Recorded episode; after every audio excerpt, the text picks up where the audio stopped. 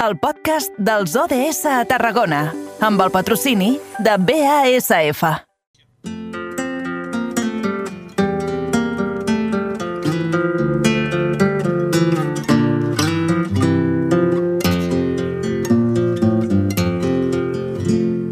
Lo meu riu és verd i blau i fa una curva suau quan creua la ribera. Omple de vida, omple de color, lo camp d'arròs i l'albereda. Lo meu riu ve de molt lluny i porta dins del puny riqueses als meus peus. Gust de Cantàbria, gust de l'Aragó, sabor a pluja i Pirineu.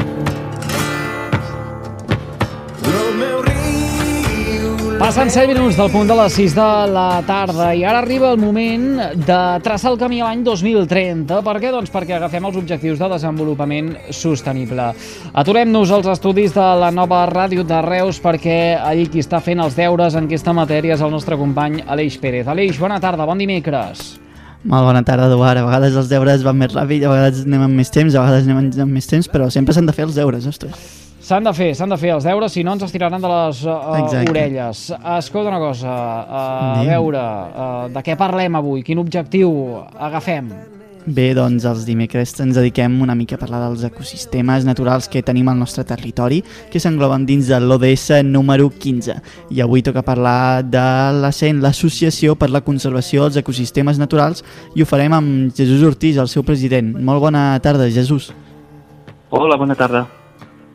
Bé, un dels eixos centrals una mica que teniu en, en, en, l'associació és la recollida de residus. Quin és el moment en què decidiu una mica iniciar aquestes activitats? Perdona, no, no t'he sentit bé. Per, eh, perdó, quin és el moment en què decidiu iniciar aquestes activitats? Ui, això és...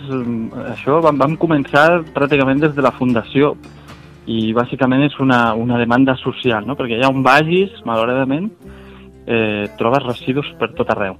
I el problema és clar, que aquests residus no és només una qüestió estètica, sinó que també tenen un impacte sobre la biodiversitat, sobre els ecosistemes, sobre el paisatge, fins i tot l'economia i la nostra mateixa salut. Per tant, havíem de fer alguna cosa sí o sí. Mm, I també hi ha una part de, de, de formació, entenc, dedicada a, a la gent jove. També és un element vital pensar en, en, en, la gent jove i que, i que s'inculquin aquests valors. Sí, exacte. Més, més que les, les recollides de residus per si mateixes, el més important és tota la divulgació, tota l'educació ambiental, la, la sensibilització que fem al darrere, amb recollides, però també amb, amb tallers de, de sensibilització per entendre quin és el problema real que hi ha darrere de tot això i molta difusió a través de xarxes socials, mitjans, etc. I un d'aquests i un d'aquests projectes és el taller Natura sense brossa. Uh, Explica'ns una mica aquesta recollida de microplàstics. Què són els microplàstics i, i per què són o poden ser una amenaça pel nostre ecosistema? Clar, els microplàstics són, són tot un conjunt de, de diferents orígens, de tots aquests materials que fem servir. Alguns ja, ja, són, ja es fabriquen com a microplàstics. Per exemple, aquestes, aquests sabons defoliants, per exemple, o aquests pèl·lets que fan servir les indústries que fabriquen per després utilitzar-los per fabricar tot tipus de plàstic i moltes vegades se'ls escapen, massa sovint. I, i clar, qualsevol eh, objecte de plàstic que arribi a la natura, a poc a poc es va desfent i es va transformant en aquests microplàstics que són tan petits que és molt i molt difícil o pràcticament impossible eliminar-los de la natura i, a més a més, tenen el problema afegit de que entren a la xarxa tròfica. És a dir, són consumits per organismes i no només afecten a aquests organismes, sinó que també arriben al nostre plat, a la nostra dieta. I nosaltres mateixos estem menjant els nostres residus. I clar, això I- I... afecta greument la nostra salut. Sí, I com es poden filtrar o com es poden arribar a separar, com ho feu en, aquests tallers? Clar, per exemple, eh, hem, hem d'anar a buscar els, els punts calents, allà on es concentren aquests plàstics, no? El mar, tots sabem que, que està eh, arrebossar de plàstics, i, entre altres residus, I, però clar, el problema és que el mar és molt gran, això és, és molt difícil recollir-los al mar. Llavors anem a buscar, doncs, per exemple, les platges, que són les onades, deixen a concentrar aquests plàstics, eh, i allà a la sorra, doncs, tamissant-los amb, amb una cosa que, que pot fer gairebé, bueno, és que tothom, eh, des de casa, per iniciativa pròpia, pot comprar-se un, un trosset de, de tela mosquitera i cada vegada que vagi a la platja tamissar una mica, recollir uns quants plàstics i com a mínim aquests plàstics doncs, ja no entraran a l'ecosistema. Sí. Per tant, llavors no cal tenir un material específic o superconcret a l'hora de, de, de netejar i ajudar doncs, a que aquests microplàstics no, no arribin a, a la nostra vida i dieta en general. Només cal portar una mosquitera i amb això ja en tenim suficient.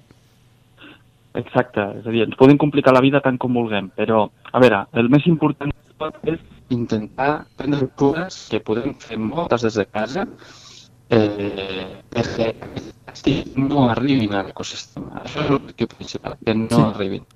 Una vegada els que ja tenim acumulats a l'ecosistema és la plata, per exemple, és un dels llocs més fàcils. Qualsevol persona amb un tros de, de la mosquitera no necessita més que això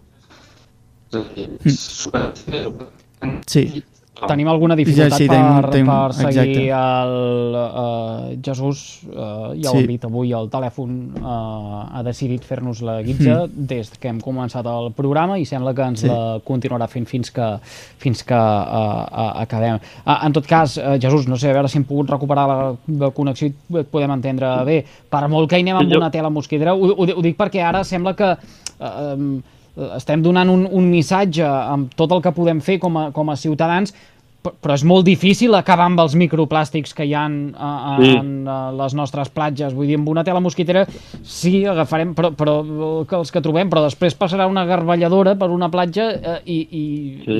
i et tornaran a sortir molts Sí, de sí, sí, microplàstics. O també aquestes, eh, això que encara és més petit que un microplàstic, no? que, que, que surt pels emissaris aquests que, que desemboquen Sí. al, al mar eh, i, i que, i que eh, es filtra fins i tot per una tela mosquitera. Sí, sí, és cert que eh, la feina aquí és infinita i per això comentava abans que la part més important de, de les recollides de residus no són les mateixes recollides de residus, sinó tota la sensibilització que ens ve darrere, que la gent s'adoni d'això, visibilitzar aquesta problemàtica, que és una problemàtica en majúscula. Eh, alguna cosa fem.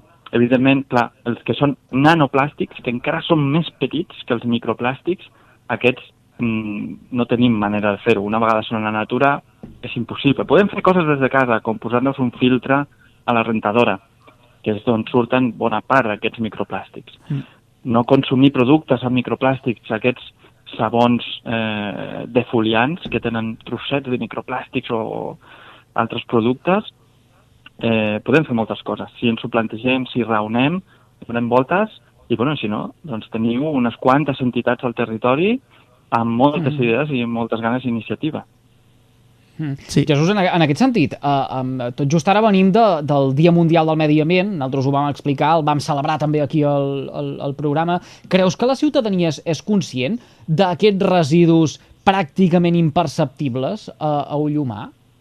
No, no, no, no, i t'ho dic clarament per, per, per experiència, perquè moltes, moltes vegades anem a, a recollir microplàstics a la platja i la gent es pensa que ens diuen que si són ous d'algun bitxo, de tortuga fins i tot ens han arri- arribat a dir, que si estem buscant or, o sigui, la gent no s'adona i mira que hi ha platges que, que pràcticament hi ha més plàstic que sorra, però realment la gent no és gens conscient de, de la gran quantitat de residus i concretament de microplàstics que tenim escampats pel territori i encara menys de, eh, que, de la perillositat d'aquests residus, perquè entren, a, a, és a dir, són consumits pels peixos que després ens mengem nosaltres mateixos, entre altres aliments, també les verdures, per exemple. I, i també al final la- l'altra banda de, de tot això és per un costat els residus però per l'altra banda tots els voluntaris tota aquesta gent, tots aquests joves no sé si també al final acaben sent persones que més o menys sempre acaben formant part d'aquests tallers si heu vist una evolució també inclús en la conscienciació de, de, de la gent A veure, eh, notem un canvi. evidentment hi ha una feina, com he dit abans, és, la feina és infinita, però hi ha un canvi. La, la societat cada vegada és més proactiva, els joves s'estan activant i nosaltres també, no, és a dir, nosaltres vull dir les entitats, no només l'associació CEN, sinó totes les entitats, estem trobant maneres d'involucrar-los, de fer-los conscients, o sigui, està havent hi aquesta demanda social i tot això també va acompanyat de eh, la legislació. La legislació també està millorant, va molt lenta, però jo crec que la tendència és molt positiva i que, a veure, ho, est ho estem notant, és que en alguns llocs ja anem, anem recollint residus amb pinces, perquè cada vegada hi ha menys. Però, clar, això no passa tot arreu, no? I, I en aquest sentit, eh, i, i ja per acabar, Jesús, eh, teniu algun punt localitzat del nostre territori eh, on hi hagi més microplàstics i per tal eh, s'hagi d'incidir d'una manera molt més contundent a la seva eh, neteja? Ostres, eh, és que hi ha molts punts, malauradament hi ha molts punts. Eh, Per exemple, la platja de la Pineda, que, que enllaça també amb la platja del Racó, que és de Salou, allà, per exemple, hi ha una quantitat de pèl·lets, d'aquestes aquestes boletes que Sí. són de plàstic molt petits, que venen de les nostres estimades petroquímiques, que fan, ja fan coses útils, ja fan coses interessants, però, clar, han de vigilar molt més perquè no se'ls escapin aquests residus que, en realitat, no són res més que recursos. És a dir, són diners que, ha, que estan perdent perquè, mira, no ho valoren prou, no volen perdre uns quants que fer-ho bé. Però bueno, tot això ho estem treballant juntament amb altres entitats, treballant conjuntament amb el Camp Residu Zero, amb Good Karma Projects, tenim el projecte Catalunya Clean Up Challenge, és a dir, entre tots cada vegada ens estem mobilitzant més i jo crec que estem fent grans avenços en aquest sentit. Jesús Ortiz, gràcies un dia més per compartir uns minutets amb nosaltres, eh, gràcies un dia més per eh, incidir en aquesta pedagogia que hem de fer tots i totes per eh, avançar cap a uns ecosistemes més nets i sense tanta porqueria fruit de l'activitat humana. Un plaer, com sempre, una abraçada. Moltes gràcies, bona tarda. El Jesús Ortiz, que és el president de l'Associació per la Conservació dels Ecosistemes Naturals, eh? l'associació CEN, eh, i que eh, de tant en tant conversa amb nosaltres en el marc d'aquest camí que tracem el 2030 amb els objectius de desenvolupament sostenible. Aleix Pérez, gràcies a tu també per il·lustrar-nos. Que vagi molt Vagi bé. bé. Eduard. Cuida't.